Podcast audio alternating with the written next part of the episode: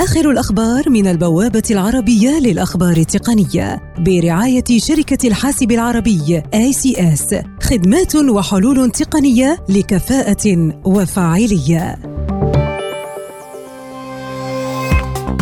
سامسونج تطرح هاتفها الذكي المرتقب جالكسي اس 10 5G الذي يمتاز بدعم شبكات الجيل الخامس ابتداء من الخامس من الشهر الحالي في كوريا الجنوبية على أن تتبعه باقي الأسواق العالمية لاحقاً.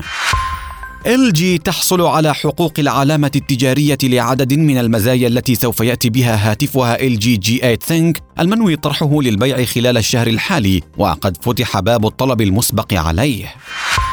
تطبيق التراسل الفوري واتساب يختبر ميزة التشغيل التلقائي للرسائل الصوتية إلى جانب ميزة الوضع الليلي وقفل التطبيق ببصمة الإصبع ويقوم بتطوير ميزة صورة في صورة حسب تسريبات.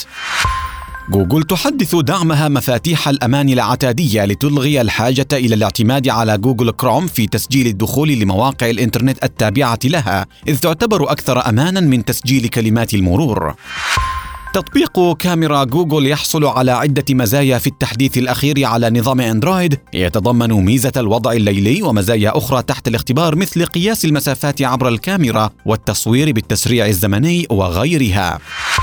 أبل تلغي شاحنها اللاسلكي المسمى AirPower والذي طال تأجيله بسبب مشاكل في الجودة بعد سنة ونصف من الإعلان عن ملحق الشحن اللاسلكي لأجهزة آيفون وسماعات AirPods وساعة أبل.